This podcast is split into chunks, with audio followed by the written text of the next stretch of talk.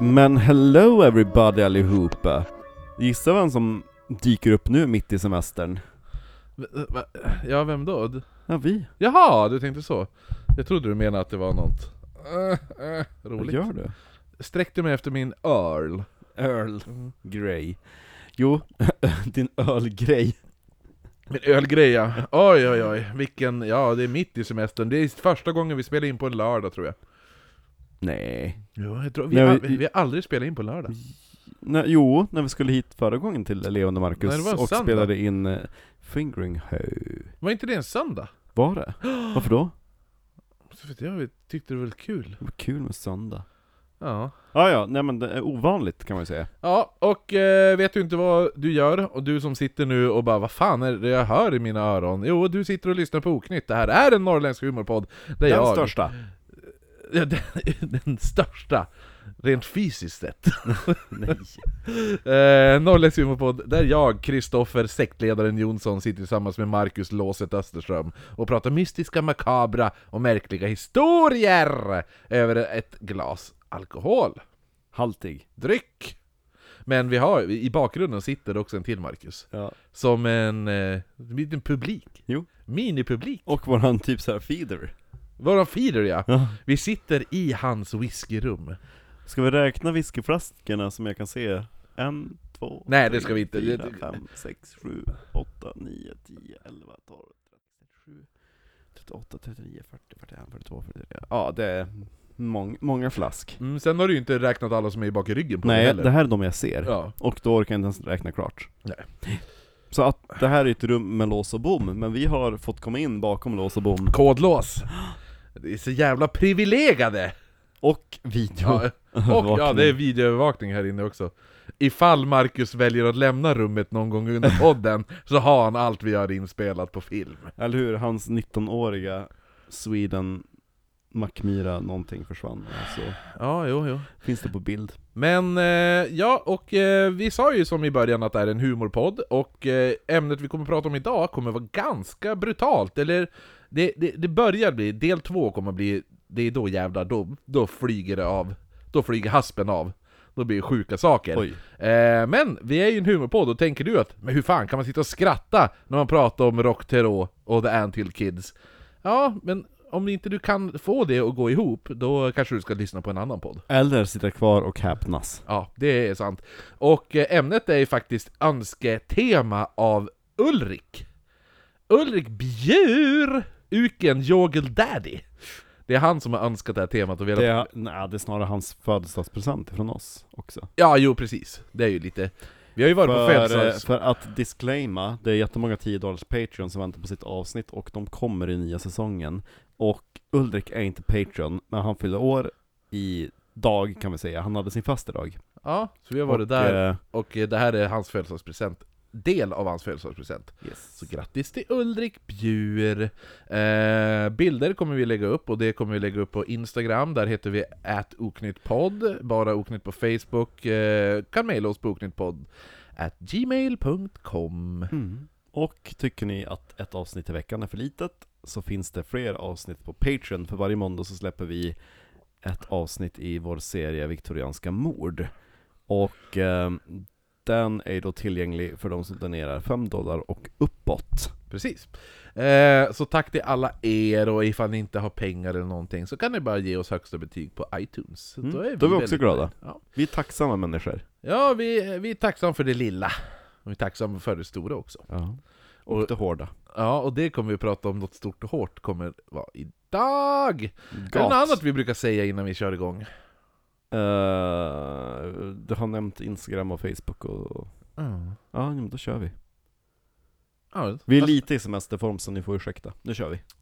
Precis. Det här är alltså det vi ska prata om idag. Är en av de mest otrevliga stunderna i, i, i våra historia, kan jag tycka. Är det värre än han som hör på våldta barn? Ja, det kan jag tycka. I bilar? I, bilar. Vad gör du för någonting? Jag våldtar barn i bilar. Hade det varit i en båt Då hade det varit en hade annan. det inte varit lika hemskt. Exakt, det, det är platsen som Ja. avgjorde det. Och slappnar liksom av lite mer på den här klucket av vågor. Det blir, Gunga, det blir, ja, exakt, det blir så här väldigt uh, wonderful rocking som, feeling. som du sitter just nu. Du sitter ju faktiskt precis nu och gungar fram och tillbaka i en liten gungstol, gungfåtölj. Så ifall Marcus ljudnivå är lite ojämn det här avsnittet så är det för att han sitter och gungar fram och tillbaka med ett whiskyglas i handen. Jo. Så jävla semesternöjd. jo, men som sagt, det bryter semestern för Ulrik. Ehm, men, ja, eh, barn nämnde du. Ja, jo nej men... eh, nej, barn det var du, dör. det var du som nämnde barn. Jag har aldrig sagt något Ja, nej men just det, det var det att du sa, då sa jag att det blir värre än han som dödade barn. Ja, I precis. bidar. Eh, men i alla fall, till själva ämnet så är det alltså Rochthero vi ska prata om. Och, Låter som en riktigt jävla fancy choklad. mm, och The Ant Hill Kids. Lite grann som Merci for being me and you. Ja, Merci. Mercy's my little way of saying thanks Merci Rochthero Precis. Och lite såhär chokladklot invirat i guldfolie. Ja, jo, jo. Och så finns den i 40, 50 och 60% kakao. Jag äter ju bara Rochthero. ja, nej men så det är Men Rochthero... älskling, vi har ingen efterrätt hemma. Men vi har. Kolla, Har man roquefort har man dessert. Jag tycker att den låter nästan som Rockfordost. Ja, det, Ja. det också. Nej men eh, Rochthero heter han och The Ant Hill Kids. Mm Eh. Myrstacksungarna. Jajamän. Så, Myrstackarna. ja.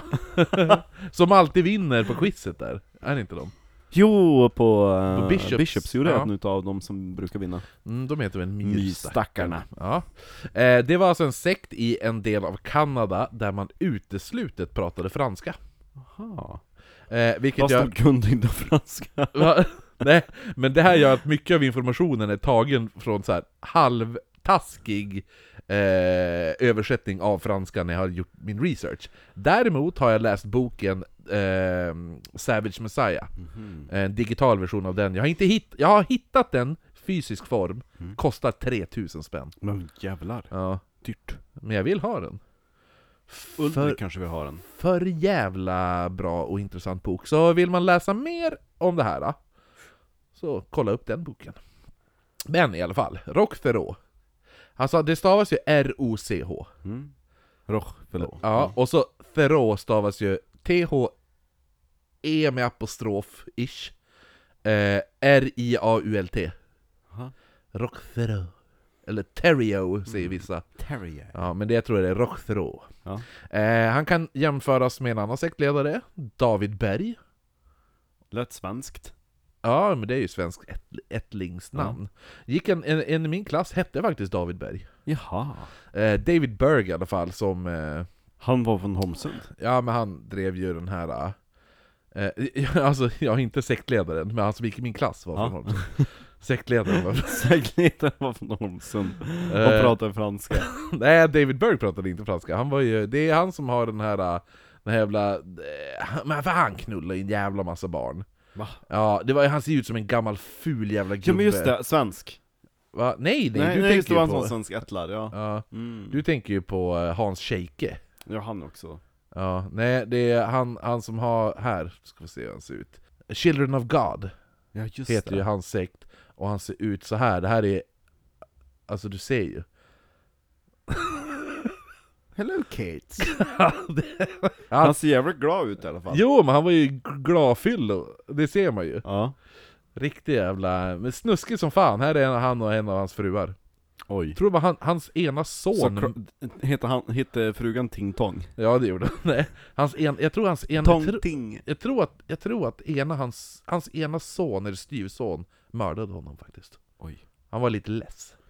Jo. Ja, nej men anledningen varför man kan, man, eh, He was a ladyboy. ja, nej, men anledningen varför man jämför Rockthero och David Berg eh, i sättet, för David Berg använde samma sätt på hur han belönade och bestraffade sina medlemmar. Sina barn. Ja, eller medlemmarna i sekten. Mm. Eh, men Rockthero tar, hans bestraffningar tas en, en aning längre. Mm. Eh, vilket vi då kommer till lite senare, men eh, Ja, det kommer, det kommer bli lite obehagliga bestraffningar ibland. Så förvarnar känsliga lyssnare redan nu. Mm. att shit's about to get real. Bästa av allt är att jag hade tagit av mig hörluren och gått. Ja du, ja, Ja. exakt, du bara 'Då är inte jag med!' jag är känslig! jag, kan, jag kan ta om det är barn som blir våldtagen i en bil, Men är det en katt? men, men inte... Men, men en katt, då går jag Som härifrån. blir våldtagen i en bil. Uh, nej men Roch Theroux är ju inte, han är inte en van, din, han är inte din standard sektledare. Om man Han våldtar katter i Ja, bilar. nej. men det är inte så här, du vet tjock, om man tänker Choco Sahara Ja. och sån där, och Adolfo som vi pratade om, den här kannibalist, eh, de som hade Ingangas. Ja, han som Ja. hoppar runt. Nej det, det är Tjocka Hazaro. Ja, jo. Eh, för för de, de, visst, de var ju också hemska och gjorde hemska brott, men, Yeah. men Theroux brott är otroligt... Alltså, det är jävligt obehagliga grejer han kommer att göra. Eh, plus också att han lyckades få alla medlemmar i The Antill Kids att alltså, försvara hans beteende. För det han kommer göra är hemska jävla saker, och de bara 'Nej men det är klart! Han, han var ju tvungen, det är ju vårt fel' Ja. Typ lite så här, du, så här, du vet kvinnor som blir misshandlade i, av sin man Ja. Som alltid typ som ändå bara jo jo men, men jag, jag hade ju inte plockat undan Disken. Ha, disken och eh, hans öl Ölen var ju ljummen när jag serverade den så att eh, jag får ju faktiskt skylla mig själv Ja, herregud. Typ lite det, den mentaliteten kom hans medlemmar ha Mm.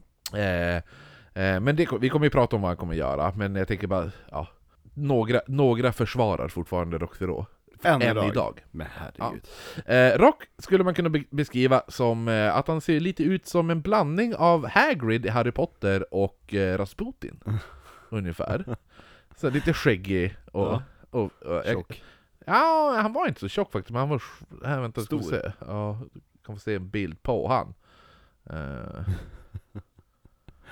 Så där såg han ut. Men gud. Ja, Ten finger forehead. ah, jo, jo. Det var Tenhead. När han är mest lik...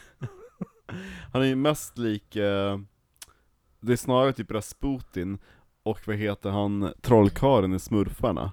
Gargamel! Ja. ja det är en, skä- en skäggig jävla Gargamel! Ja. Är det ju! Han har ju inga hår mitt på huvudet utan det dyker upp i bak till och på sidorna. Ja, och så, Men jävligt tätt. ja, jävligt... Det är sån där mustaschväxt jag vill ha. Oj. Det är riktigt bra mustasch. Jag tänker att sådär ser ju typ Saruman ut som ung. Eh, alltså Christopher Lee? I, nja, med karaktären Saruman. Ja, okej. Svart skägg. Och väldigt trollkarlig. Ja, men, nej men så såg Rock Theroux ut i alla fall. Ehm, ja, Han stort skägg och, ja, och man beskrev att han hade ett lockande leende. Nej. Han var jävligt charmig. Alltså, Vars då? Han kunde få alla killar på en fest att skratta. Det var hans grej. Alla sa det, direkt han kom in i, i ett rum. Han kände ingen, men han var direkt så center of attention Mm. och alla tyckte han var hur rolig som helst. Har ni smakat på badvattnet? Eh, Det smakar salt. och han kunde även, de sa också, han kunde få alla, eh, alla killar i eh, på en fest att skratta och alla tjejerna falla på knä. Enligt den tidens vittnen då, eller vad man ska säga. oj, oj. Men han var, han var lite såhär... En, en, Eljest. Han, ja men att han, han smälte som in i... eh, han, ja, men han, han var så här en typ social kameleont. Förstår du? Han kunde ja. blända in i alla olika sammanhang. Det spelar Ja. ingen roll ifall han var på fest med dig och mig eller om han for på ett fancy party i eh, London liksom. Han, Mm. han, han, eh, han kunde alltid, han vart alltid the center of attention Mm. på de festerna. Det är coolt. Charmig som fan! Som vi. Ja, det är så. Charmig och rolig. Det är så, det är så man får kuka. Det är kukurur. Eh, lite så att folk ska förstå så var en av eh, eh, sakerna som Rock eh, kom att göra, tänkte bara säga ut det, en av dem, och det här är, det här är bara en av random grejer, är att han slet ut 14 tänder på en person med Mhm. rostig jävla tång, Mm. eh, för att han bara, utan bedövning också, Ja. och eh, Kom, vi ska leka tandläkare. ja, för att han kände att han behövde, han behövde, han bara "Du, jag, jag vet varför du har huvudvärk, Mm. det är dina tänder, kom. Alla dina tänder. Ja, slet ut 14 tänder. Så, typ sådana saker, han, han får bara för sig saker och göra grejer. Och att han inte flydde. Nej, alla, alla medlemmar, de bara ja, men eh, Roch säger att Gud har sagt att han ska göra det. Ja. Ja, ja men vi går ju in på det med sen, men, Mm. men eh, ja. Typ så. Och eh, utöver det är inte bara, det är inte bara vuxna me- medlemmar i den här sekten heller, utan eh, det är ju Alltså det är, det är barn här i, i den här sekten också. Ja, och det, jag tror sa, ja, sammanlagt kom, kom sekten att eh, bestå av 24 barn sammanlagt i den här. Oj. Ja. Många som var hans egna barn. Oj. För han knullade riktigt bra. I rätt hål. I rätt hål, oh ja. Eh, men för att börja från början så föddes Rochefero i Quebec 16 maj 1947. Eh, och som barn så ansåg man att han var extremt intelligent och underhållande.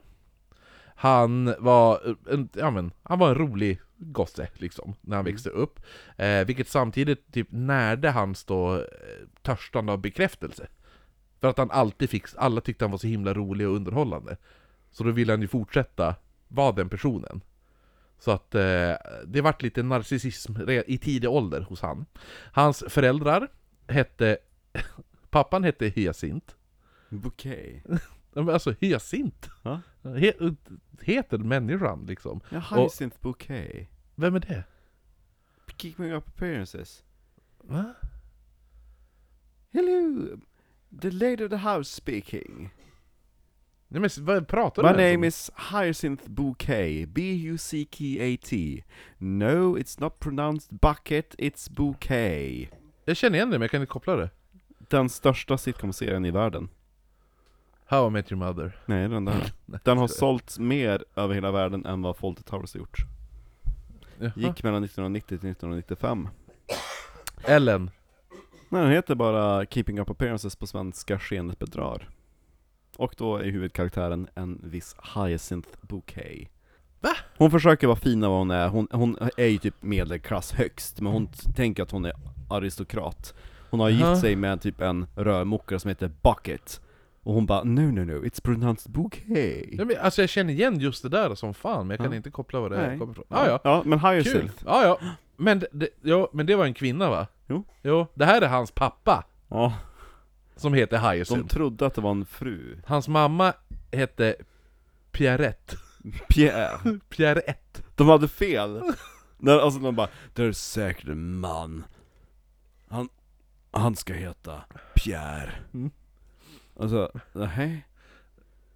Eh, Pierre, Pierrette.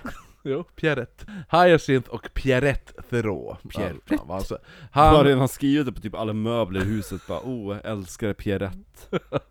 det låter nästan som en konststil. Ja.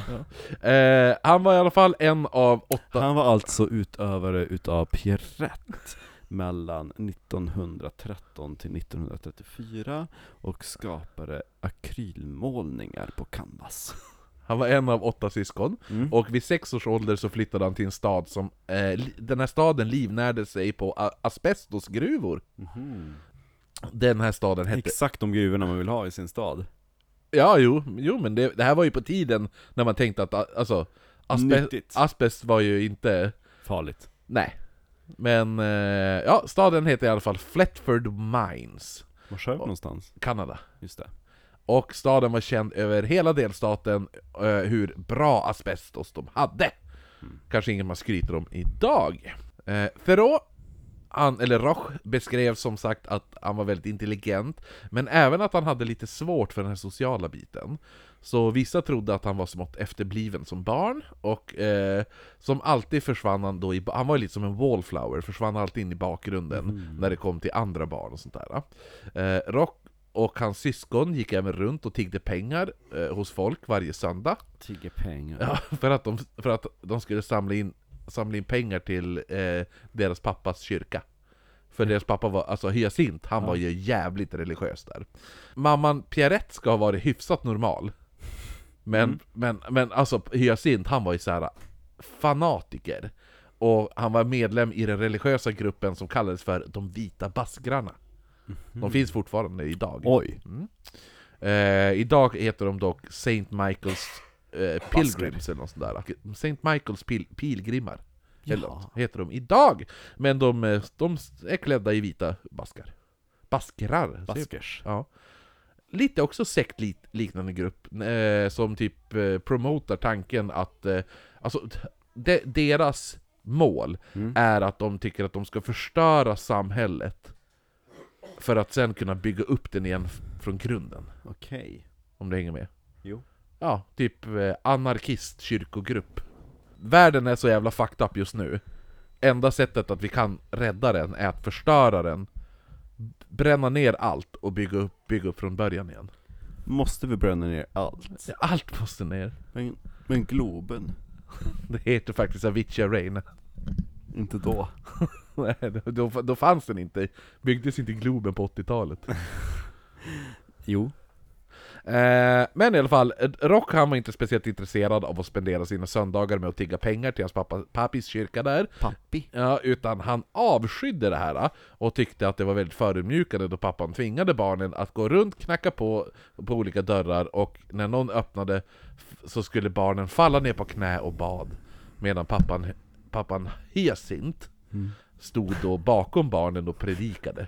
Barnen gick ner och bara Ta med det Il padrino da da da da Ta med det Och så, Ameno. och så farsan bara Ameno Ha Eh, Li, lite, lite kul ändå för att... De eh, gick inte vars de fick pengar Nej men Rock, han, han satte sig emot allt Alla bara vad fan gör ni här? igen. Ja, samla pengar Jag har, jag har investerat alla mina pengar i asbestos.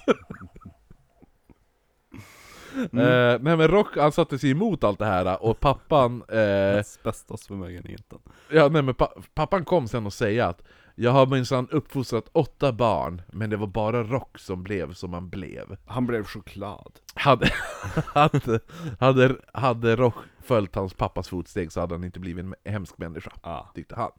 Eh, på fritiden brukade han leka en lek, eh, alltså, med, alltså barnen lekte med deras pappa då, med Hesint. Leken hette Bones.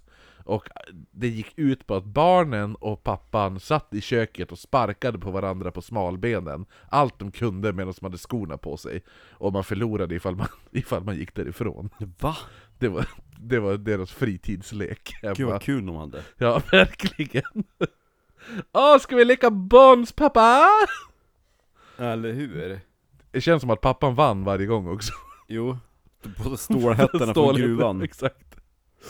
Eh, Gruvfamiljen tyckte det var jättekul Rock påstod även att han har blivit nedslängd och inlåst i källaren och även slagen av sin far under sin uppväxt. Tydligen så hårt att han skulle ha fått ärrbildning på sina inre organ. Eller hur? Ja, men det är ju bara, alltså, Han hittade på bullshit liksom. Jo För ingen av, ingen av hans syskon har någonsin bekräftat att, att eller sagt att han sku, någon av dem skulle ha blivit slagen av sin pappa eller något sånt där. Förutom att de satt och lekte den där leken Bones. Och att han bara Ja men jag har R, vars då? på mina inre organ. Allting på franska också, fransk britning. Lindre För det får man komma ihåg, Rochtero, han kunde fan inte engelska. Nej Han pratade franska jämt. Hoho. Alltså som barn så var han den här äh, personen som typ stal så fort han fick en chans att kunna Mm. stjäla någonting. Och den här, han betalar aldrig, han aldrig på bussen. Och sådana saker. Fast- Även fast chauffören säger till, så han bara Nej, jag behöver inte betala. Du vet, d- så här, d- riktig jävla dryg unge. Eh, Rock var även mytoman och berättade väldigt absurda historier om sig själv och att han hade, han berättade en, en historia om att han hade mött en björnmamma som hade behandlat honom som en av hans egna ungar. Och un, alltså under en natt så hade han sovit tillsammans med björnmamman. Och helt plötsligt så började björnmamman ta på honom Nej, nej det hände inte. Men, eh, men eh, förmodligen träffade han aldrig en björnmamma. Nej Eh, men han ljög även om att han inte kunde gå när han var barn. mm. Han kunde inte heller prata hade han sagt, och andra sådana här saker under sin uppväxt. Lite för att folk skulle då tycka synd om honom. Vilket folk även gjorde. För det här, de här grejerna, han märkte att berättar jag sådana här saker, då blir jag the center of attention. Som vi gör eh, vad? Berätta såna här grejer Ja, jo, eller hur? Eh, när man, att han berättar om sig själv, alla bara 'Åh, gud vad synd om han' och så är han the center of attention hela tiden. Eh, vilket, när man går igenom hans liv, så alltså, han vill ju bara vara det, det är det enda han vill vara. Han Mm. vill alltid vara the center of attention. Och är typ, alltså, personifieringen av en narcissist liksom. Och lite det här, du vet såhär, Munchausen by proxy. Mhm. Om du vet du vad det är? Nej? Men det är ju det här Munchausen disease by proxy, eller sån Munchausen, alltså syndrome eller vad fan det heter. Det är ju typ att eh, det, det är väldigt van, har varit väldigt vanligt bland typ eh, eh, sköterskor, alltså eller typ såhär nannies. Mm. Att de, de skadar barnen, kan förgifta ett barn Mm. eh, för att då såhär, nurse it back to health. Ja, Ja, och då blir de, åh gud vad duktig hon är, hon som räddade livet på det här. så brukar vi, mm, typ eh, brandkåren kunde vi ha gjort så, vissa brandmän För- Tände eld på ett hus och så bara Åh gud det brinner! Ja, så, och så ja. släcker de den Jo, ja men ungefär samma sak fast, fast det här är ett- alltså, ja, att man gör det att du skadar andra för att då hjälpa dem sen. Ja, Eh, så kombinationen av typ, han har ju typ en så här fejkad självsäkerhet och typ en strävan att bli lite bättre än alla andra. Den kombinationen gjorde att Rock hade en sån karismatisk aura att han kunde få folk att tro på allt han sa. Alltså, han, han, han, han var så jävla övertygande i allt han sa. Mm. Han kunde sälja is till en Eskimo liksom. mm. Ja. Och han, eh, ja men folk sa att han kunde typ förtrolla personer till att de trodde på allt han sa. Och han började även övertala personer att han kunde hila folk. Och sa att han även hade, att han kunde kastrera djur utan smärta. Ifall han använde sina tänder. Va? Ja. Bet han av bollarna på saker? Oh yeah, det är en, det är en, det är en klassiker. Tydligen så ska det vara, det, alltså, det ska tydligen vara mindre smärtsamt. Att bita av bollarna? Ja, det, men det är beprövat. Det är många som har gjort det. Så man måste för... Men fy fan, så snyter man först upp pungen och sen så... Ta en tugga! Nej! Jo, Men då biter man ju av pungsäcken också nu har inte jag gjort jättemycket djupdykning i Nej. bita Jo, de, de, pungkula. de snittar så jag har först ing, så jag, upp, ja, jag skulle De väl gissa... snittar ju upp pungsäcken antagligen Tar ut själva testiklarna Biter av den lilla strängen som håller fast Ja, eller så, ja men de gör det väl på smådjur, alltså där de är typ såhär griskultingar. Tar de väl bara bita av alltihopa tänker jag. Nej men nej Alltså inte kuken, men alltså, alltså alltihopa. ah! Men han kunde ju utan smärta sa han. För honom Eh, Han kände ingen smärta Rock hoppade av skolan som 14-åring då han var övertygad om att han visste bäst. Eh, Även i ämnen som politik och kirurgi. När han var 14 år så ansåg han sig att han kunde Han mer om ju detta. redan som eh, veterinär Ja, exakt. Han bara bet av lemmarna på djuren Stor hög med utspottade pungkulor. Åh, är det där olivskålen? Nej. Nej, det är inte olivskålen. Eller det.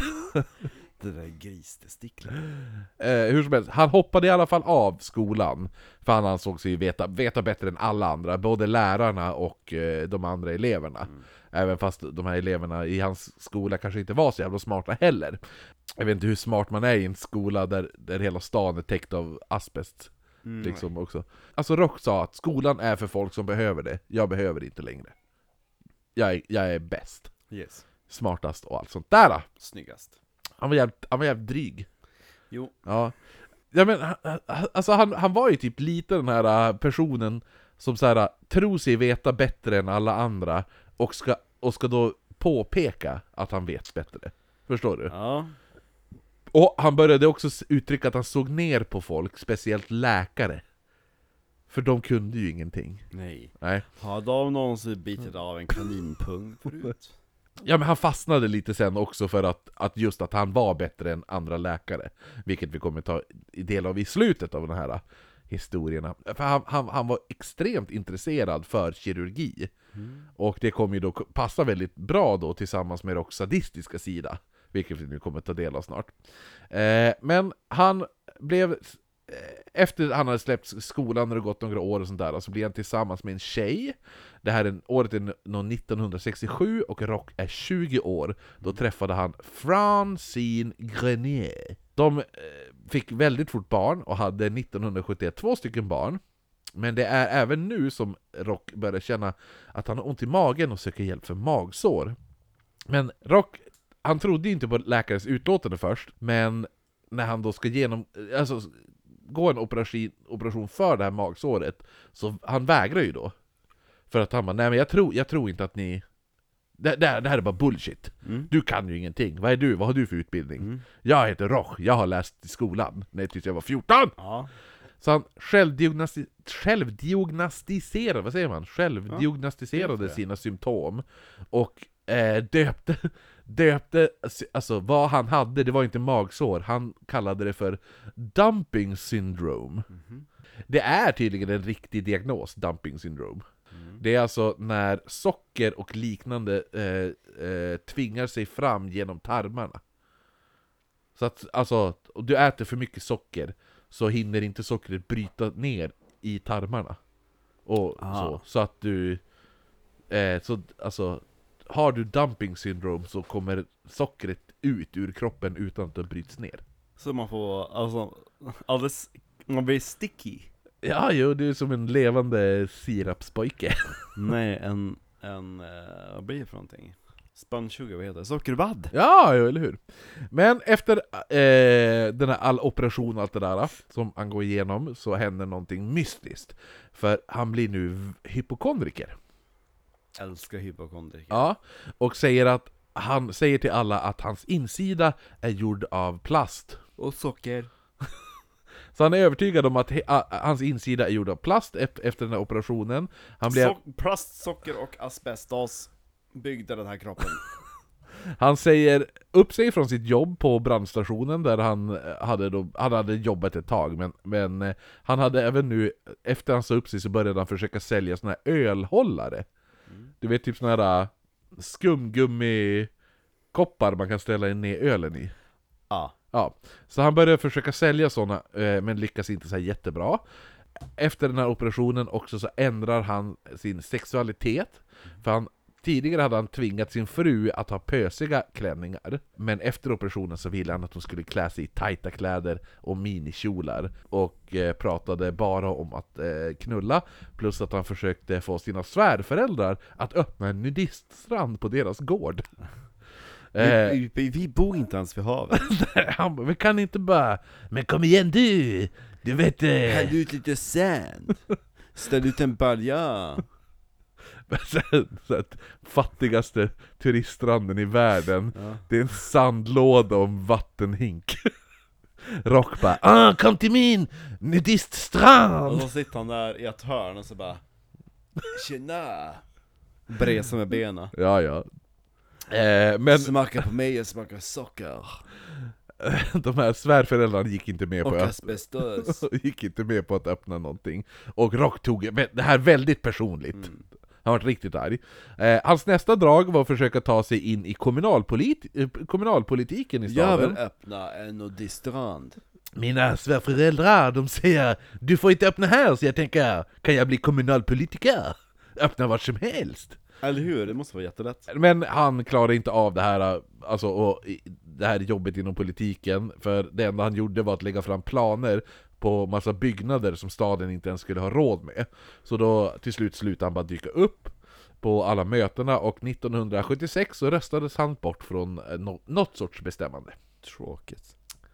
Han lyckas efter det här ta över en idiotisk katolsk sekt som han på ett eller annat sätt blir ansvarig öv, över och eh, ska då inviga de nya medlemmarna.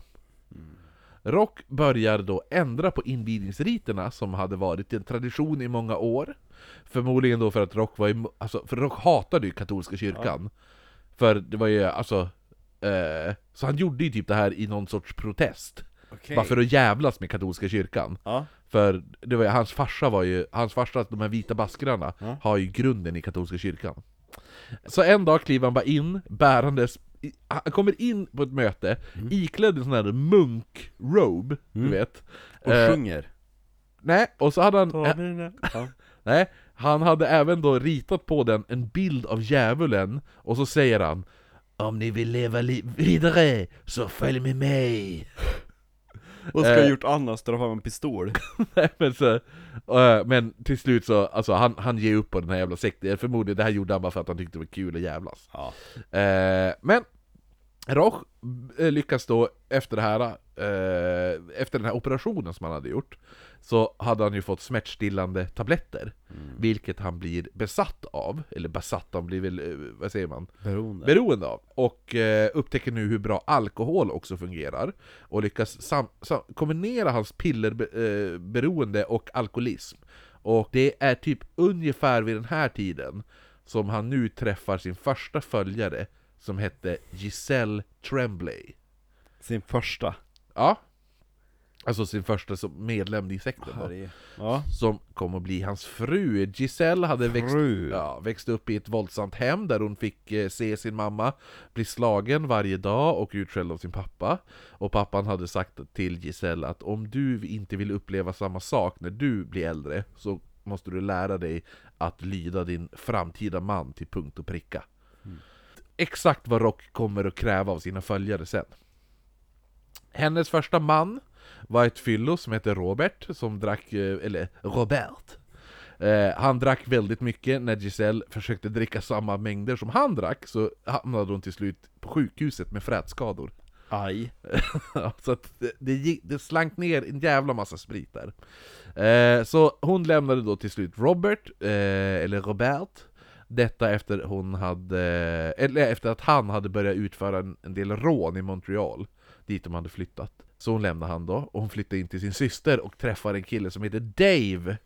Det här förhållandet verkar gå som på räls, och de började prata om att kanske gifta sig, när Giselle och hennes syster dock var ute en kväll och festade, så träffar hon Roch som är där och säljer sina ölhållare. Ja. Alltså kul att vara ute på krogen och så kommer den här skäggiga Gargamel Vill du köpa ölhållare? I pläst. Eh, Rock och Giselle fattar då tycke för varandra och Rock börjar klaga Det var för fan vilken pervig gubbe. Bara, mm, hon är så äcklig. Nej inte Giselle, hon, var ju, hon gillade Rock Men Rock, han börjar klaga För att hon hade ju sex med Dave Han bara, men, men jag är ju förälskad i dig Och när du ligger med Dave så förstör du mig från insidan Mm. Han var ju samtidigt, han, hade, han var ändå gift och hade två barn Men, men eh, Giselle drog ju upp det faktumen och, då började Rocco gråta Och så sa han att min fru, hon är otrogen hela tiden Och så har jag cancer också, har jag sagt det? Ja. Och hon bara 'Åh, har du cancer?' Ja men då så eh, Så hon går ju på det här Mm. Så och, gick hon ner på knä. ja, och spenderar hela sommaren tillsammans med Roch och, Ja. och hjälper honom att sälja ölhållare Och hon sa även upp sig från sitt jobb och levde sen på a-kassa och inkomster från är det någon som vill ha en hållare? Till öl? öl? Fem dollar tack. Rock passade den sommaren på att se hur långt han kunde pusha att lura folk. Mm. Så han betalade folk pengar för att de tillsammans med honom skulle lura hans vänner. En gång hade han betalt ägaren av en restaurang att han skulle komma in utklädd till en full hemlös man och börja stjäla folks köttbitar från deras tallrikar. Hmm. Men han tyckte det här var jätteroligt. Gud vad roligt. Han, betal, han betalade även en strippa att hon skulle komma ut med jordgubbsskivor på bröstvårtorna. Rock hoppade upp på scenen och så åt han jordgubbarna av hennes bröst. Uh. Och alla ju, jublade då över hur häftig han var som gjorde det här. Men Men ingen fatt visste ju då att han hade betalt den här strippan, så hon var ju med på allting. Eh, så han var lite av den typen av Yes. människor. Och det var någon som verkligen var imponerad över Rocks sådana här pranks, eller vad man ska säga, så var det Giselle. Hon var ju helt tagen av han, över hur häftig han var. Så de, de flyttade då till slut ihop. Men hon märkte att han var lite mysko, för han hade blivit typ besatt av att hata katolska kyrkan. Samtidigt som han satt och läste bibeln hela tiden. Så jävligt kul människa. Gud vad roligt. Till slut sa han att han hade hittat en ny sann väg att följa. Detta, den hade han hittat genom att läsa gamla testamentet och antydde att det Jag har var... hittat en väg. Den här sidan är sida nummer ett. Och på andra sidan står det sida nummer två. Jag tror ett meddelande. Han, han sa att han... Eller han menade att det var bättre värderingar i gamla testamentet än vad man hade idag. Och Rock finner då Mm. sju dagars adventisterna. Mhm. De finns idag, de finns i Sverige, de här. Också. Eh, de hade grundats i USA i början på 1800-talet och förutspådde jordens undergång och, Jes och Jesu återkomst, att det skulle ske 22 oktober 1844. De räknade fel. Va? Nej, tror du det? För de, den dagen kom ju. Jo. Ja, och då hade alla medlemmar tagit sig till kullar, hustak eller annat för att deras färd till himlen skulle gå snabbare. Åh. Ja, några, hade, några satt även på höskullar och väntade på jordens undergång. Åh. Men jorden gick ju som sagt inte under den dagen, då var man ju tvungen att komma på en ursäkt, så man döpte dagen till Den stora besvikelsen. Men gud! Och många av, med, många av medlemmarna lämnade efter det här den här sekten. Besvikelse. Men, ja, vad heter det? Jag tror Den stora besvikelsen har en egen Wikipedia-sida till och med. The great disappointment. Ja. Ehm, men eh, Ellen G. White kom att börja göra efterforskningar och studera Bibeln och sa att hon började få uppenbarelser och sa att Jesus inte uppenbarade sig och hämtade alla eh, människorna för att himlen var inte redo, de var tvungna att städa upp i himlen först. Så att de var tvungna att göra, göra klart himlen innan människorna fick komma från jorden. Eh, hur som helst Det är så så... jobbigt, så mycket skräp. Men det är som när man bjuder hem någon. Ja, nu kom tre, och så måste du hinna städa, och sen har du inte hunnit städa, och så säger du Kan du komma halv fyra istället? Åh. Ja. Hur som helst, eh, så blev det, eh, den här sekten, eller den här sju dagars adventisterna blev officiellt en kyrka 1863, och man predikade om ett hälsosamt levnadssätt och hade otroligt många förbud och vad man inte fick göra. Eh, klassiskt är ju det att du inte får onanera eller dricka alkohol eller använda tobak. Vem vill gå med då? Ja, eller hur? Och många är, även... Ingen runk. Va? Ingen runk. Nej, men det, det är också, många är ju även vegetarianer där. Rä, ursäkta. Fröken, rä, räknas det som runk om jag knullar kudde? Nej, det är, då är det bara knull. Knullikudd. Får jag knulla kudden? Däremot, vet du vad ett av förbuden var? Ja. Man fick inte bära peruk. Okej. Det är förbud. Ja. Så Rock, han passar ju som handen i handsken, då det var den här kyrkan är otroligt olik katolska kyrkan. För, och Rock hatade ju den. Men fröken, fröken, fröken. Om man knullar pojke? Det är runk då. Ja. Är det runke då? Nej, det är sex. Okej. Får, får man ha sex med pojk? Yeah. Ja. Det är... Ja, du får sex med pojk. Pojksex är... Så länge han inte har peruk. Ja. ja. Har han peruk? Klär du ut pojk som flicka? Nej. Då är det okej. Rock, eh, som sagt, han... Men du får inte runka pojk. nej, det, nej, det får man inte göra. Det, det är förbjudet. Speciellt om man har peruk. Inte runka pojk med peruk. ja, Ja, och det, det är det djävulen gör. ja. Ja. Runka pojk med peruker. Eh, nej men Rock han av, avsade sig snabbt alla, alla sina bördor som att till exempel röka och dricka och han blev även vegetarian. Eh, församlingen i Thetford Mines var, alltså, det, det var inte så många. Det var Rock och fem andra. Så man kunde som inte upprätta en kyrka där, utan man åkte runt och predikade i olika hotellrum istället. Och pastorn som hette Pastor Zida, med Z, eller som du skulle säga, Ida. Ja. Ja. Eh, han märkte efter ett tag hur bra Rock var för att, på att rekrytera folk.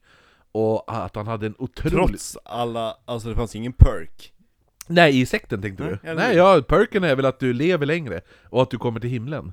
Men du får inte runk. nej, nej, nej, Nej. Men du får komma till himmel. För jag kommer himlen. Det, ja, Ja, du får komma himlen. det kanske var, det kanske är kör därför det. de måste städa himlen först. Ja, exakt. För alla ställen du ska komma på. Ja. Det är därför månen är vit. Och nu håller vi på att få vin upphällt till oss. Ja, nu jävlar. Men kom ihåg att spara kork! Ska vi se vad det är för brott vi... vi Begår. Det, ja, det är det vita 19 Crimes-vinet vi prövar. Stealing from furniture lodgings. Det var många fria fåglar som gjorde. Ja. Riktigt bra tycker jag. Men gud vad saftigt det var. Det här är bra vin. Nej. Vadå nej? Det smakar saft. Ja, lättdrucket. Nice. Jag tror att det här ska behöva vara ännu kallare. Ja, jo. Var, Faktiskt. Ja, det är ganska satt vin. Mm. Jo, kallare, men jag tyckte det var gott. Ja. I like.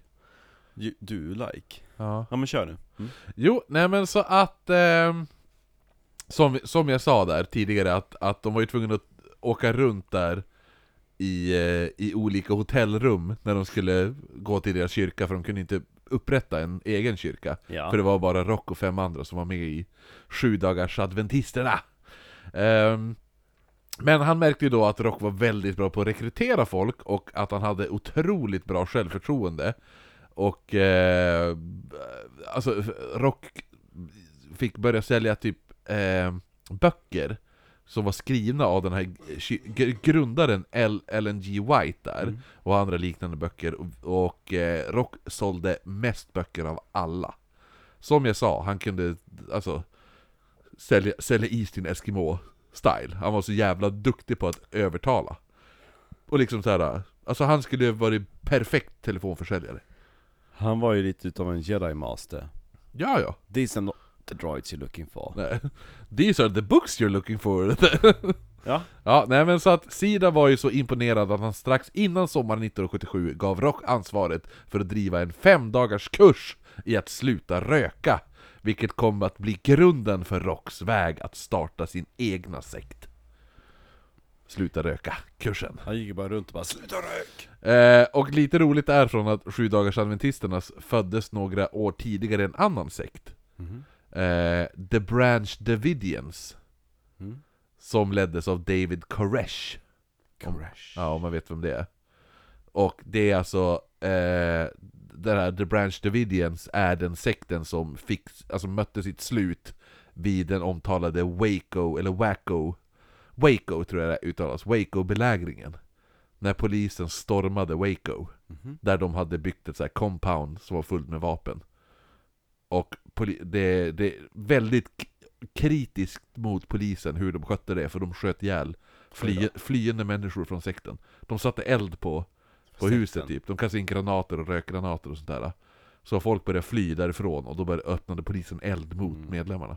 Men fortfarande sektledaren, fucking idiot, David Koresh. Kunde dock spela jävligt bra musiker tydligen. Se där. Ja, men lite, och hans, hans sekt föddes också ur sju dagars adventisterna. Precis som, Sluta röka på sju dagar, adventisterna. ja, jo. Eh, men i alla fall, den här fem dagars kursen där, de första deltagarna var ungdomar, ungdomar som kommer från trasiga uppväxter, en av de här var Solange Boyard, vars, jag tänker bara på Fort Boyard, Ja. ja, men, och det stavas B-O-L-L-A-R-D, Bollard. Bu- ja, eller Solange. Bollard. Ba- Ballard, de är ju fra- kanaden, fransk-kanadensiska. Ja. Ja, men i alla fall. Solange Boyard. Eh, Bollard. Hennes pappa var alkoholist och utnyttjade eh, sin dotter sexuellt, ibland med fullbordad våldtäkt. Och hon hamnar nu tillsammans med tre andra ungdomar framför en otroligt självsäkra rock, som ska då få dem att leva ett hälsosammare eh, liv Sluta röka. och, Min pappa våldtar mig, mm, men du ska sluta rök. och han förespråkade även vegeta- vegetariansk kost och, och även att de skulle duscha kallduschar. Duscha kalldusch. Ja. Min, min pappa, det är lite som, det är lite som, eh, Nile City. ja precis, eh, farbror Barbro. Ja. Ja, pappa, han kommer in, ta på mig. Ja, han är avundsjuk. På ljudbilden. Men Rojan började även förespråka att ungdomarna skulle sluta beblanda sig med samhället. Och alla de här fyra personerna konverterade och flyttade även in hemma till, alltså hemma hos Roch och Giselle. Sluta blanda systemet. Ja. De, de bor då hemma hos Giselle och Roch. Ja. Där Roch nonstop kunde nu predika hans personliga tankar, som kanske inte alltid gick i samma spår som de här sju dagars adventisterna. En av de här ungdomarna hade omtänk- alltså de, de, många kom ju från trasiga hem, men en hade omtänksamma föräldrar som tyckte att det var konstigt att deras dotter nu hade flyttat in med, med Roch och hans fru och andra, några andra ungdomar. Det här var Chantel Labrie. Brieosten. Ja. Och när Roch skulle övertyga hennes föräldrar att han var en bra människa, så går det inte så himla bra. han började då förklara sin religion, men när vad heter det, föräldrarna började ifrågasätta vissa saker som Roch inte kunde svara på, så började han fejka anfall att han föll i trans. Ja, men de bara, ja men han, han, så han står bara ja men åh, i våra religion tänker vi så, vi tänker si och vi tänker så. Jaha, men, men tror ni ändå att det här är ett... Och så fejkar han Störd. Ja, han är lite, han är knepig. Eh, Rocks hem utökade lite mer efter ett tag då nya ungdomar ansluter. En som flyttade in var Nicole Roel. Eh, efter ansökt till den här sluta röka-kursen som snärjdes av Roch efter bara ett par dagar. Eh, det var även Claude Olay som värvts av eh, en av de andra ungdomarna. Eh, Fra- Francine Laflamme. Det är så jävla Slammet. franska namn. Ja, Det är Labri, La Flemme och vad heter hon? Ruel och sånt där Ja, eh, nej men La Flemme då hade, hade Slammet. värvat Claude Olay på ett disco Eh, och- och Claude började umgås eh, Han började även... Choklad. Choklad eh, Han började umgås med en som hette Jacques Fisset Jacques Fist. Ja, ah, det stavas fiset Jacques Fisset eh, Som då var... Fist. Ja, eh, och den här Jacques Fisset var en av de fyra ursprungliga Ja. medlemmarna då. Eh, La Flemme rekryterar sen in två tjejer från hennes skola som också flyttar in. Eh, och två månader efter Rock hade tagit a- över ansvaret för den här Sluta Röka-kursen så bor det nu sex tjejer och två killar hemma hos Rock och- och Giselle. Någonting som Giselle inte var speciellt nöjd över, för hon hade du ansvaret för att laga mat, städa och tvätta, medan de andra satt och mediterade och hade gruppmassager. Gruppsex, alltså. Ja, det, det, det började bli jävligt sexuella vibbar i den här gruppen. Men när, när Giselle visade, hon, hon visade typ sitt missnöje över det här, då sa Rock bara att om, om du älskar Gud så måste du kunna öppna ditt hem till dessa ungdomar. För det är det Gud vill. Så hon bara, okej. Ehm, Efter det här flyttar nu Gabrielle Nadeau in, som kom från en bakgrund av misshandel där hon blivit slagen av nunnor på ett barnhem. Eh, för hennes, hennes pappa hade dumpat av henne på det här barnhemmet för han tänkte inte ta hand om henne. Däremot så hade den här alkoholiserade pappan kommit tillbaka sen efter några år och hämtat hem henne igen. Enbart för att kunna utnyttja henne sexuellt och misshandla henne. Only. Ja, men det är ju det man, man tror, alltså han var... När hon var typ könsmogen, då får han, och han inte fick ligga. Han bara, ja men jag vet vart jag kan få ligga, så får han hämta sin dotter. Kom till pappa. Kom till papi. Så att, eh, kanske inte den roligaste uppväxten. Nej. Eh, Gabrielle var redan medlem i sju dagars adventisterna när hon gick med i den här sluta röka-kursen. Alltså det är så kul att Hon har allting... inte ens börjat röka. eller hur?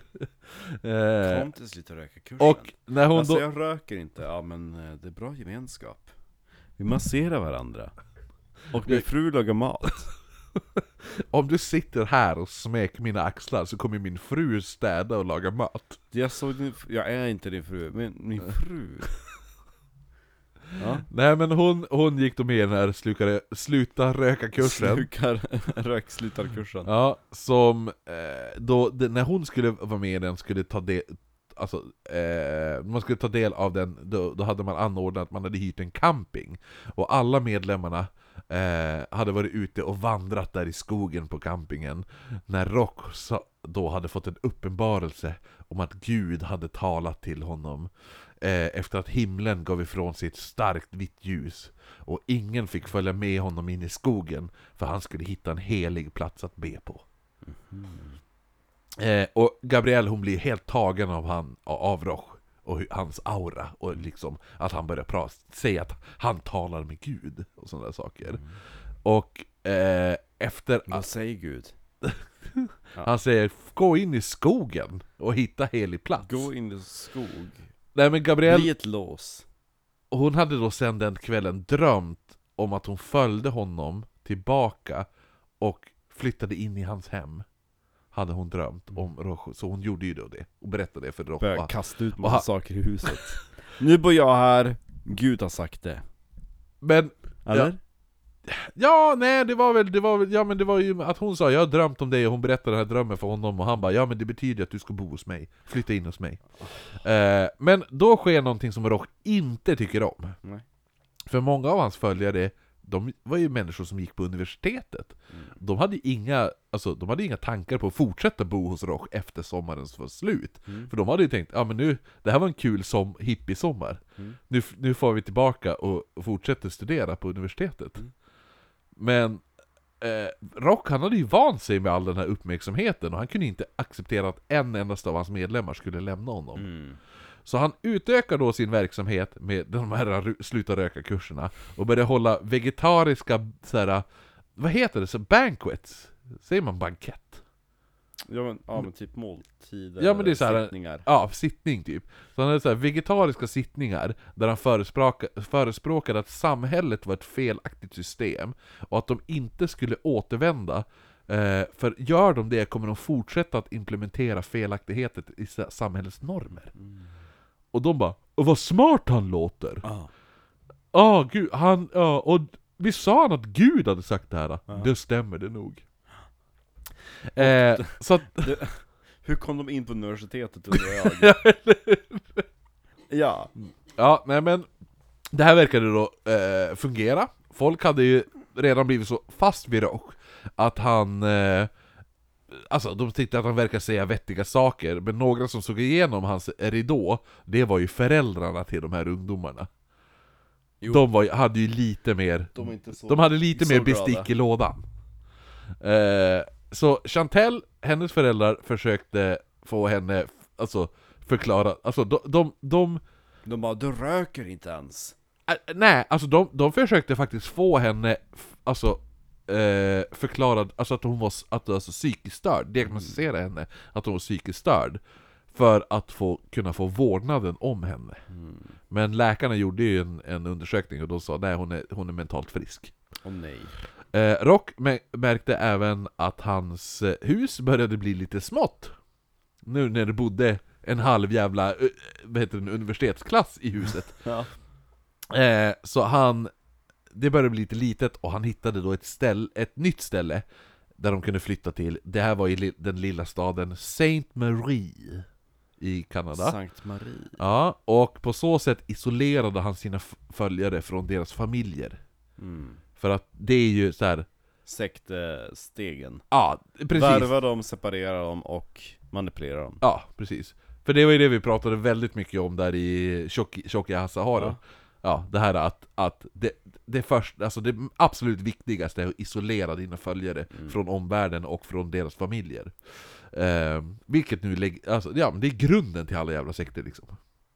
Så han, han motiverade flytten genom att använda sig av sju dagars adventisterna och sa att han hade då, han bara, han hade sagt till dem Du jag har hittat ett ställe, är det okej om jag typ utökar den här äh, sluta röka-grejen och, Mm. och öppnar upp vad jag har döpt till Healthy Living Clinic Och de bara, ja men det är väl, det är väl klart att du gör Ja. det Han bara, ja men tack, så då, han öppnade upp den med stöd av, av kyrkan där eh, Men de visste inte om att han började ju nu driva sin egen lilla sekt där uppe och Rock gjorde vad alla sektledare måste göra för att lyckas. Eh, han gjorde att äh, medlemmarna först och främst de kände sig speciella.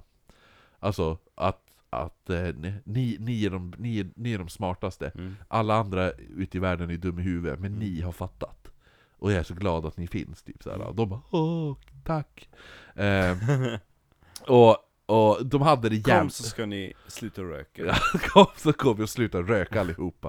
Eh, nej men så alla hade det jävligt bra och sånt där, alla var glada och tyckte om rock, men de visste även att, alltså, för rock påpekade att ni, kommer ba- ni är ju bara speciell Mm. när ni är med i gemenskapen. Mm. Om inte, alltså, anledningen varför ni är speciell är för att ni är i, vi, det är vi i det här lilla samhället. Eller i den här lilla gemens- gruppen människor Mm. skulle, folk som inte är med i våran gemenskap är ju inte speciella.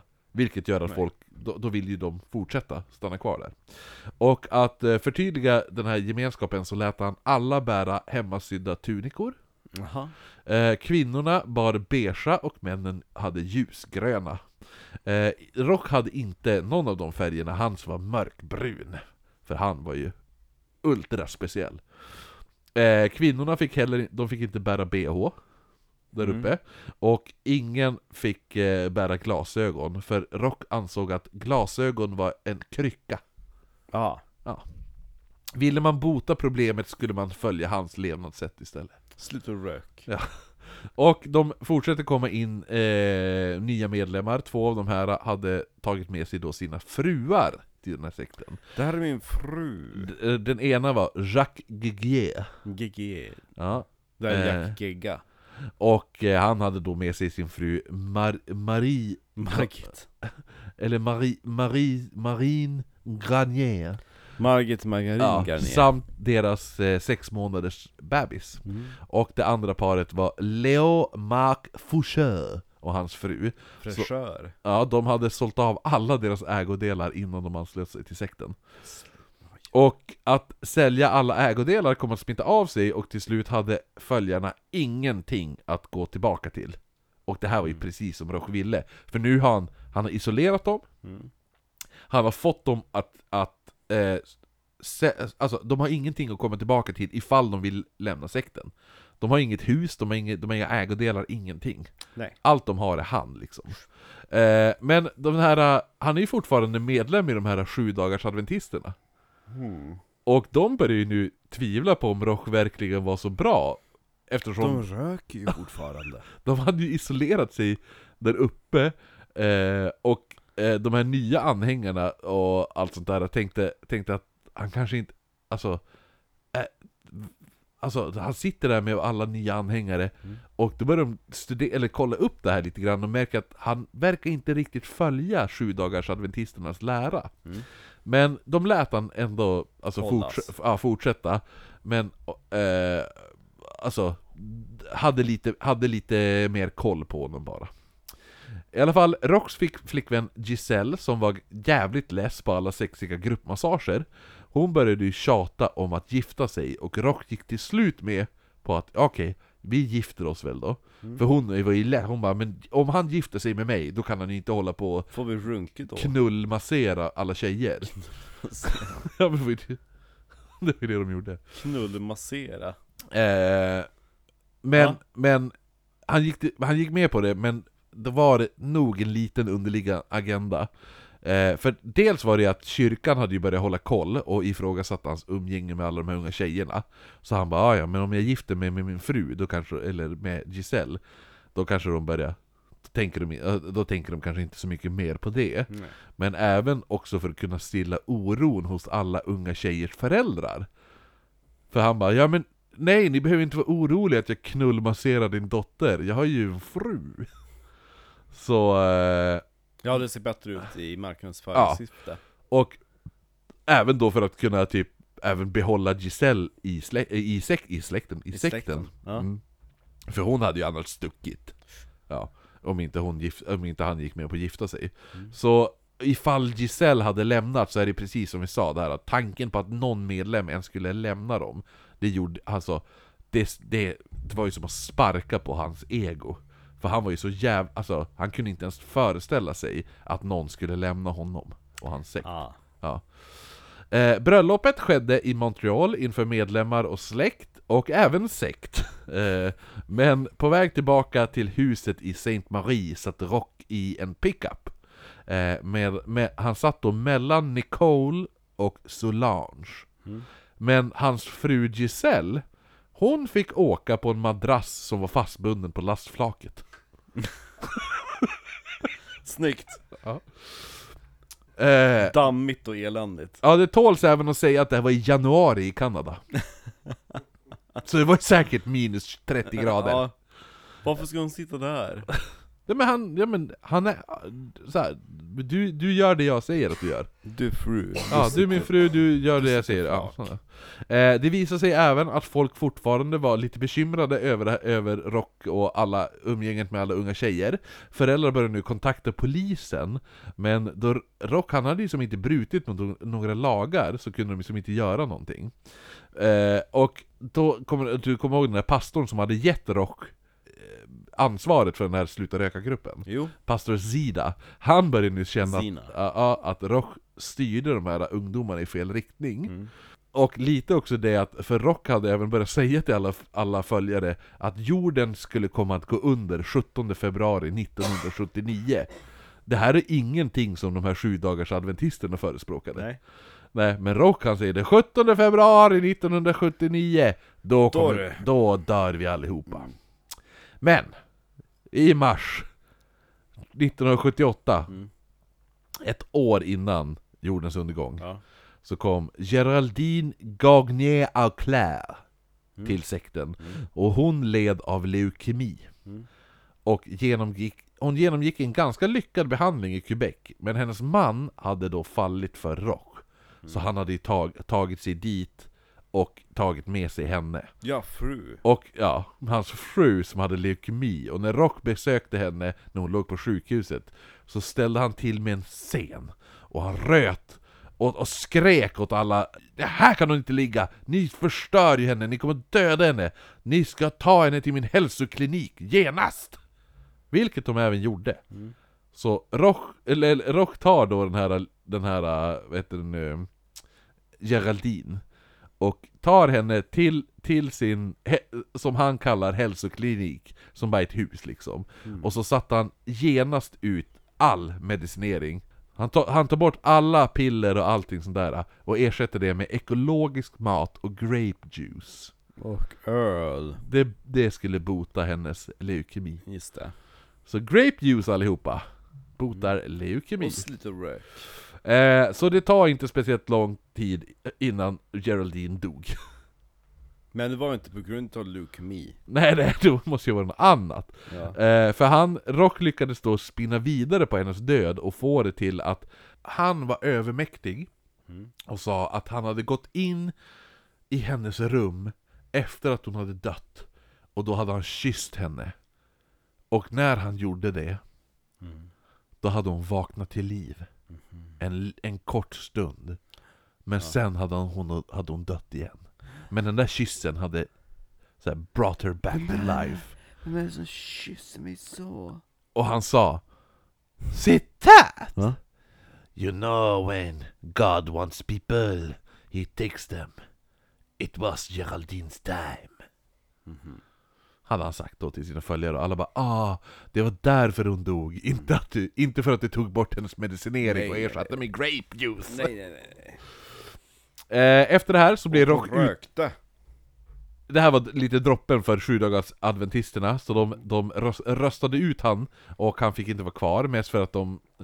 Alltså, de upptäckte även att han började tjäna en jävla massa pengar. Au. Men, alltså de var ju nöjda med att han tjänade pengar, men av alla pengar han tjänade in så var det ju jävligt lite som han gav till kyrkan. Mm. Så han behöll ju allting. Så att nu ströp de som av Rock och eh, eh, han var inte medlem i kyrkan längre utan nu var han helt separat och fick då total kontroll över alla sina medlemmar. För nu, hade han, nu, nu, nu behövde han inte gömmas eller hymla för eh, kyrkan, den här sju dagars adventisterna. Och eh, det första saken Rock bestämmer över sina medlemmar är att de ska gifta sig med varandra. Eh, Det här dels för att testa deras lojalitet, men även för att knyta varandra till sekten. För om en person är gift med en annan medlem, så är det mindre chans att de kommer att vilja lämna gruppen. Mm. Ja, Typ att de håller koll på varandra. ja precis. Eh, Så Rock parade ihop Cl- Claude Olliette med Solange Bouyard, Jacques Fisset med Nicole Roel, och under bröllopen ska föräldrarna även vara inbjudna, och ska då ha suttit och gråtit, men det var inte utav glädje. För de såg nu att Ah, mina barn bor ute i skogen i Kanada som drivs av en skäggig Gargamel Ja. och nu ska de gifta sig typ i princip mot deras vilja. Ja. Ja. Eh, men Och samtidigt... åka på ett flak. Ja, jo, eller hur? När de är nygifta. Eh, på flaket. och samtidigt då så hade ju Rock, eh, medan alla föräldrar satt och grät, så var det ju Rock som vigde de, de gifta paren. Tager Och började även då tala i tungor, lite Carola-style där. Ja.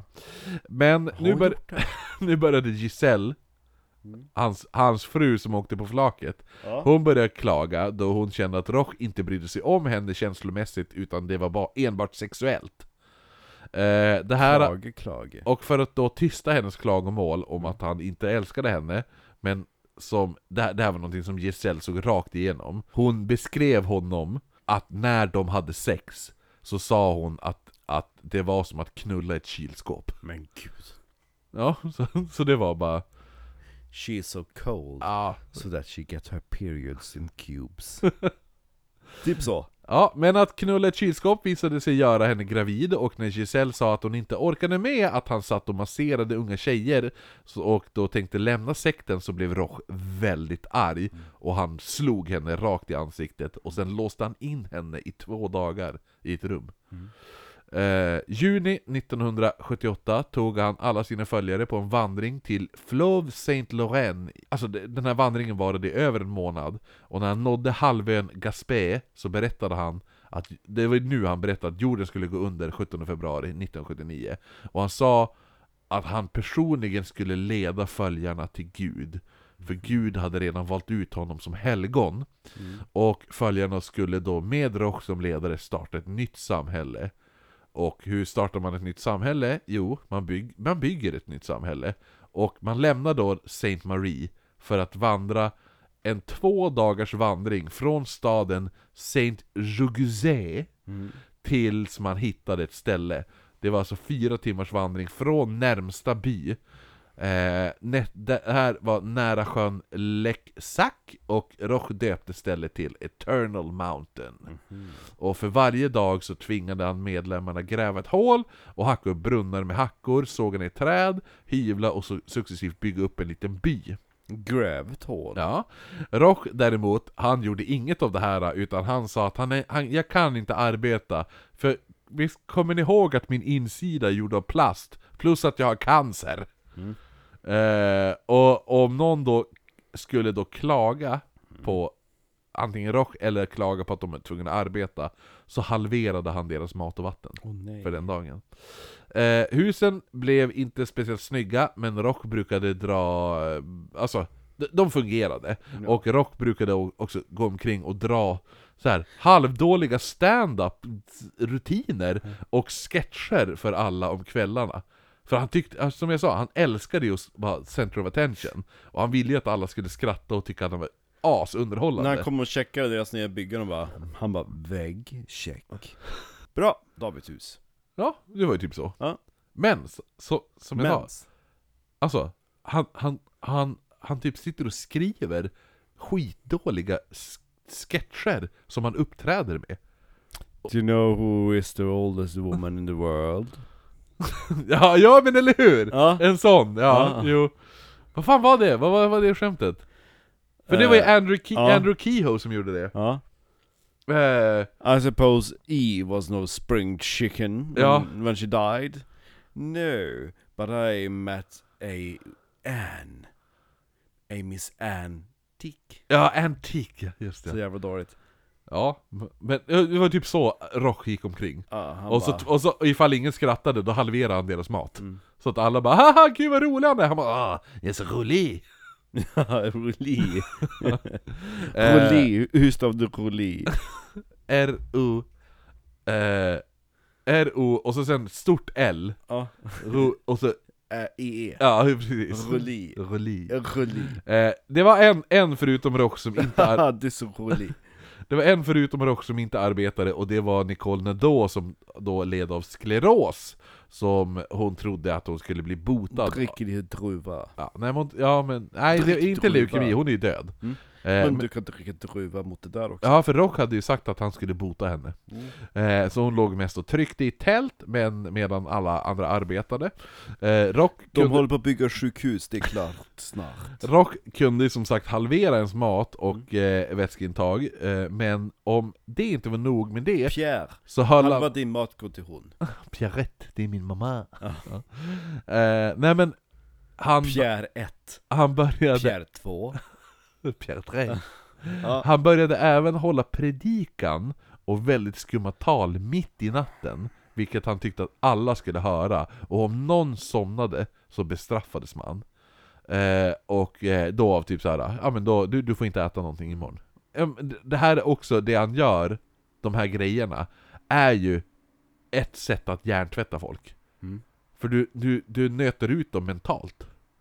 För de får, de, de får ingen sömn, Nej. De får ingenting, och de vet att jag kommer bli straffad om jag inte gör det här. Men är inte det så i armén också, att, de, att man ska alltid göra någonting? Man ska marschera, man ska putsa sina gevär, man ska bädda sängen så man kan studsa en jävla femöring på den, Ja. man ska bygga mur Man ska inte hinna existera själv Det värsta var ju de dagarna i, i lumpen, var, var ju de dagarna när man hade när man skulle ha typ någon föreläsning eller utbildningsgrej. Jaha, För då var det så här, ja ah, men nu 7 till, 7 till 12, då ska vi sitta i den här aulan och lyssna på ett föredrag.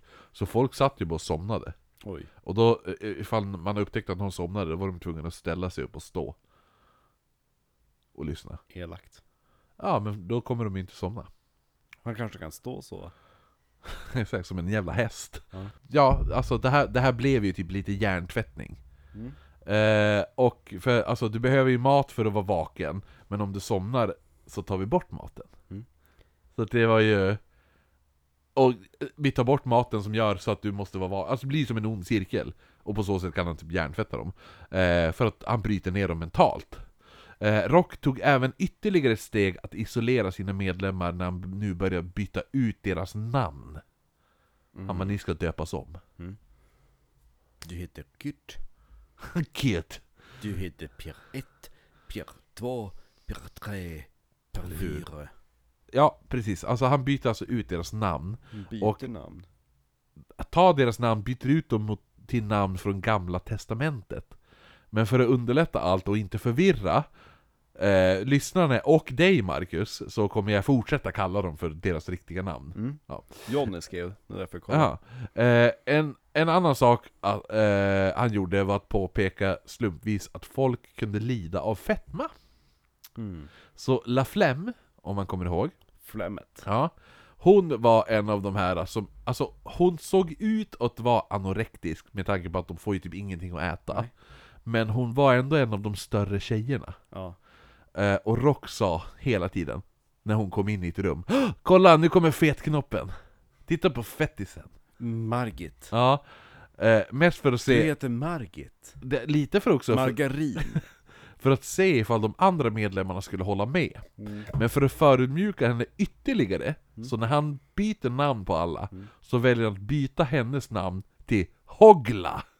Jaha Vilket var, eh, alltså, förutom namnet Hagla, Mm. är ju jävla nasty, alltså det är inte det vackraste namnet. Nej Men i bibeln är det en illa omtyckt feminist. Jaha Ja, och han, En feminist och han- i bibeln, finns det ens?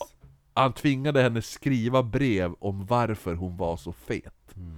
Och här är då ett brev hon skrev efter att hon hade blivit tillrättavisad av Rock Mm. för att hon tog en portion till när det serverades mat.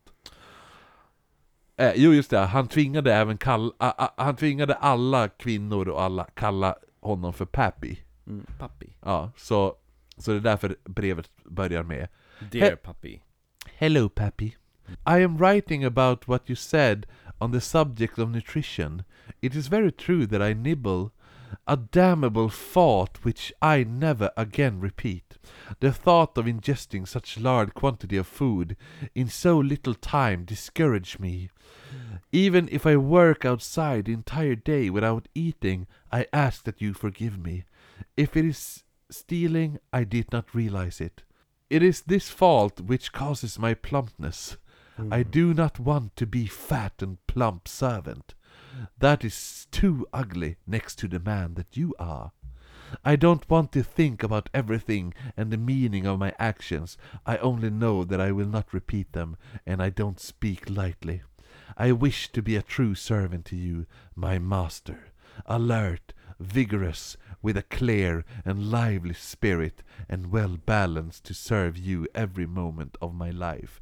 I have a I have a long way to go. Thank you, Pappy. I love you. Hagla.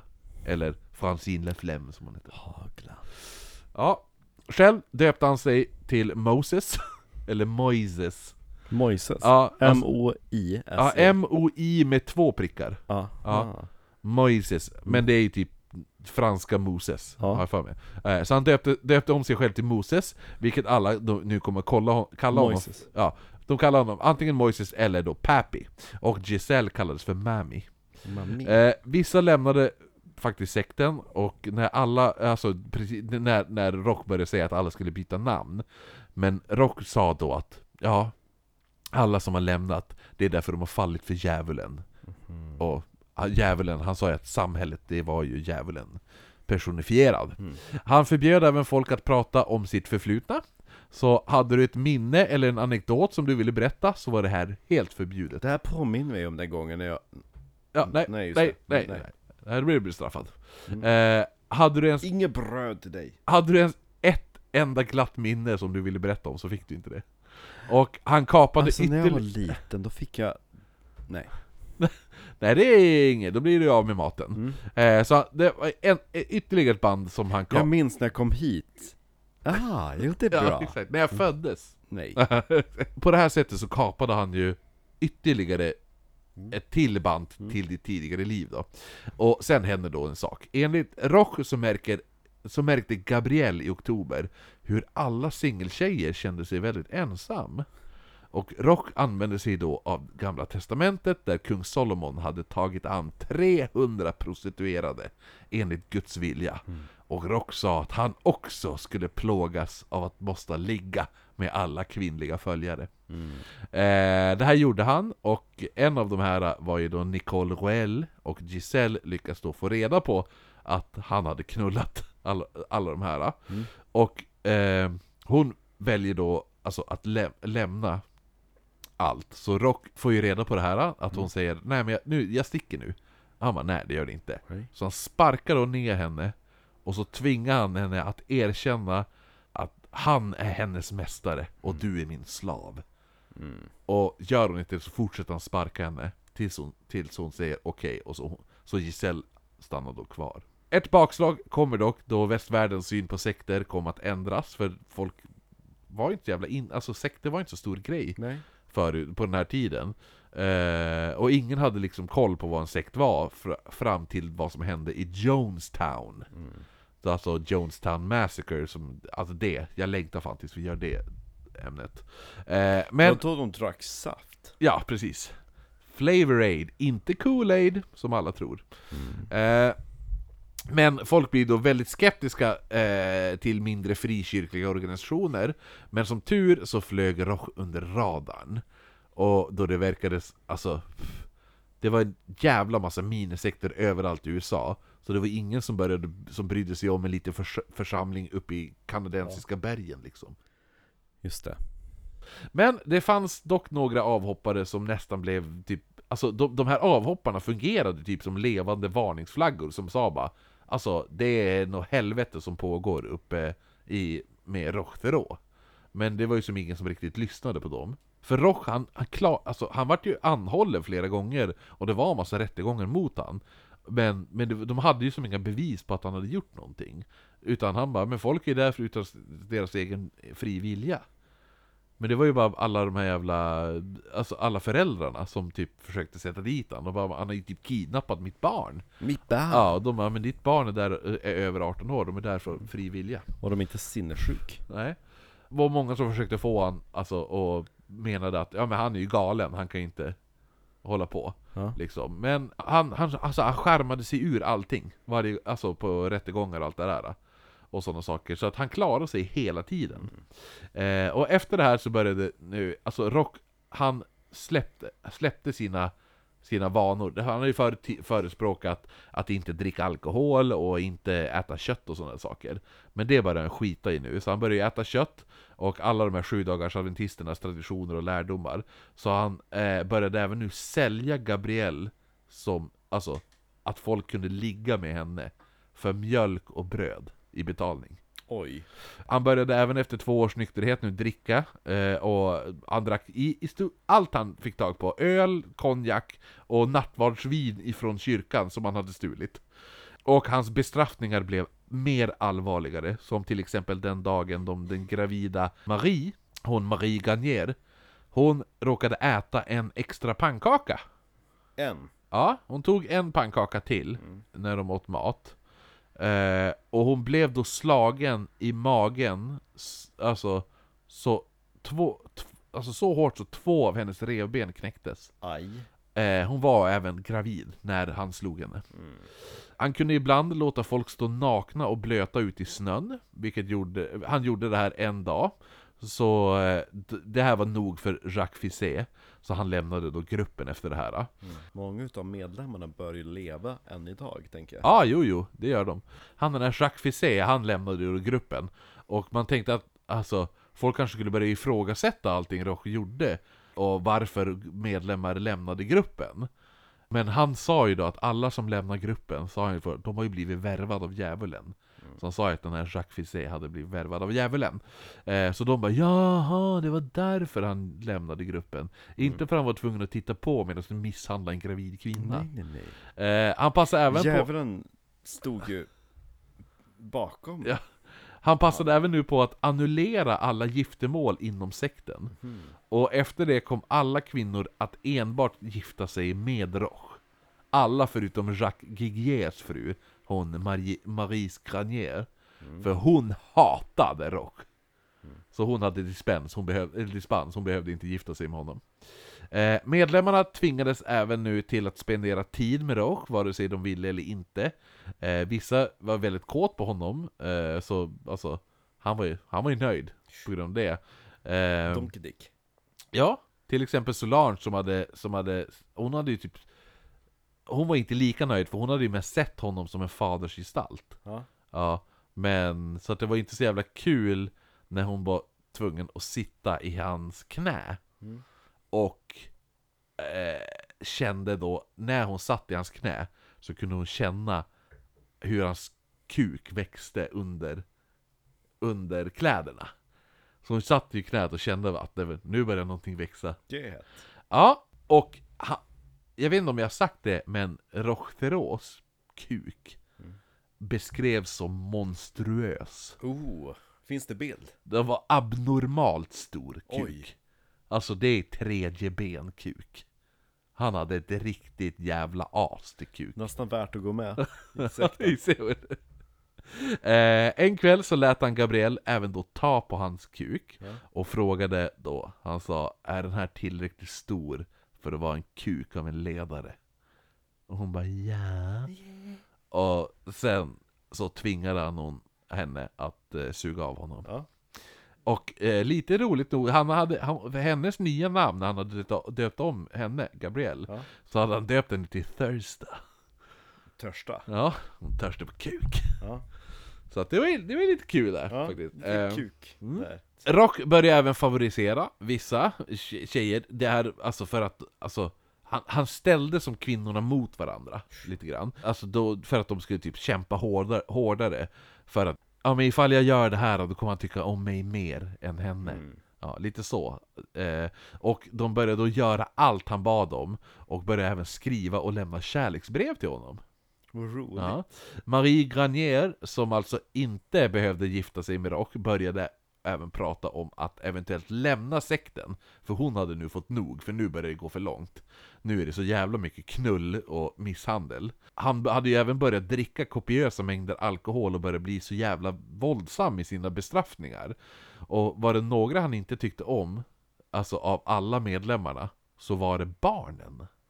För folk hade ju kommit dit, de hade ju tagit med sig sina barn. Och Roche hade börjat knulla folk, så de hade ju blivit gravida liksom. Ja. Men han hatade barnen. Speciellt om de inte var hans egna. Han, Hans egna barn var lite mer speciell, men de, de fick ju inte någon bra jävla behandling inte. Han kallade barnen för djuren. Så att, om man säger så här, och ifall du, ifall du kallar barn för djur Då är det, kan man ju bara gissa sig till vilken jävla alltså, syn man hade på dem då liksom, hur man behandlade dem. Eh, Och han, han uppmanade, alltså, uppmanade alla andra följare att, att eh, följa hans exempel på hur man behandlade barnen. Ja. Och det var ju att de fick inte vis, alltså någon sorts typ emotionell kontakt. De fick aldrig bli tröstade, aldrig bli kramade, ingenting sånt, sådana här saker. Och en kväll när Maries barn inte hade slutat skrika Så hade han då beordrat henne att ta ut barnet och rulla det naken i snön Tills, tills han sa att det var okej Och hon hade varit tvungen att rulla runt hennes barn i snön Tills ungen var helt blå Ja. Eh, så det här var ju då droppen för henne, och hon sa då till Jacques att hon skulle lämna sek sekten. Men när Roch får reda på det, så hade han ett allvarligt samtal med Jacques. Och säger att bestraffningen för att hon ens tänkt tanken Va? på att lämna, var att han, att Jacques, skulle då vara tvungen att hugga av hennes tår med en yxa. Skulle han göra det? Han sa det, du, du måste hugga av tårna på din fru. Ja. Eh, Jacques, han vägrade ju. Och då började Rock kalla honom för mes. Och sa What are you? A faggot? Hmm. Don't you have any balls? If you want to be a man you have to learn how to teach your woman a lesson. Ja. Men det funkade inte. Eh, han sa jag kommer ändå inte hugga av hennes tår. Då hade Ja. Sagt om inte du gör det då kommer jag hugga av alla hennes tår. Ja. Så Jacques tar då en yxa och högg av sin frus lilltå med yxan. Aj. Efter det här kom Jacques Ranier att bli en av Rochs främsta underhuggare. Och till slut nu kom ju alltså dagen D. 17 februari 1979. Då jorden går Jorden skulle gå under. Men när jorden då inte går under så förklarade Roch att nej men datumet har blivit fel. Eh, var, för Gud hade ju sagt att inom si och så många dagar så kommer undergången. Mm. Men vad som är en dag i himlen, det kan ju vara 300 år på jorden. Ah. Lite som i Nangijala. Ja, Och Narnia. ja. Så de visste inte när domedagen skulle komma. Eh, Så, de sa att det kan ju komma när som helst. Vi vet inte, vi trodde att det var den här dagen. Men det kanske är imorgon, det kanske är övermorgon, vem vet? Det är ingen som vet. Eh, det här gjorde ju då att alla, och han sa det enda sättet att ni kommer kunna leva vidare i himlen är att ni stannar kvar här. För dör ni här, då kommer ni till himlen. Ja. Så, ah, så det här vart ju att de isolerade sig mer från omvärlden. För Eternal Mountain skulle ju då inte inkluderas i jordens undergång. Det var ungefär nu som sekten uppmärksammade en tidning efter att ha fått en ganska vinklad bild. För, kommer du ihåg Jacques Fisset? Han hade ju lämnat sekten. Så han hade ju då blivit intervjuad av en Va? tidning. Ja, och rubriken till hans intervju var They are happy and free to leave if they wish. Så att alla bara jaha. Eh, ja, nice. precis. Samtidigt så lyckades Chantel Labrie, hennes föräldrar, får två poliser skickade till Eternal Mountain. Men de motades då bort av Roch. Och man skickade efter då en helikopter med tio poliser som nu eh, lyckas arrestera Roch. Och han får gå, genomgå ännu en psykundersökning. Så att medan han var borta så tog Giselle över. För Giselle var ju mami, och nu är pa- Pappi borta, så nu tar ju mami över. Eh, sekten hade som sagt börjat bli jävligt uppmärksammad, men media tyckte mest att man bara... Men det är ju bara några lite hippies som lever på ett berg, låt dem bara vara. Det, det är inte värre än så, och speciellt när efter att Roch hade ju förklarat för psykiatriken, alltså psykiatrikens chef, så hade han sagt att nej men jag har ju bara räddat ett par ungdomar från droger och missbruk. Det är det enda jag har gjort, det är det jag är skyldig till. Och han bara jaha. Så, så, så vet du, då hade den här chefen sagt i ett uttalande att samhällets normer är det som är felet. Inte Rock och hans medlemmar. För han är ju bara, han räddar ju dem bara från droger. Ja. Och att han sa att samhället borde rannsaka sig själv istället för att döma Rochzero. Herregud ja. Sen då i oktober när Roch var tillbaka så hamnade Gabrielle Nudo Hon hamnar nu, alltså hon som hade, ja, hon hamnade i, i koma Och Mm. dör Efter ett par dagar i komat Och Roch ville då begrava henne på Eternal Mountain Men myndigheterna de får då tag i kroppen och man gör en obduktion men man hittade inget konstigt och föräldrarna då begravde henne. Dock, det här, alltså det här var någonting som Rock vart rasande över.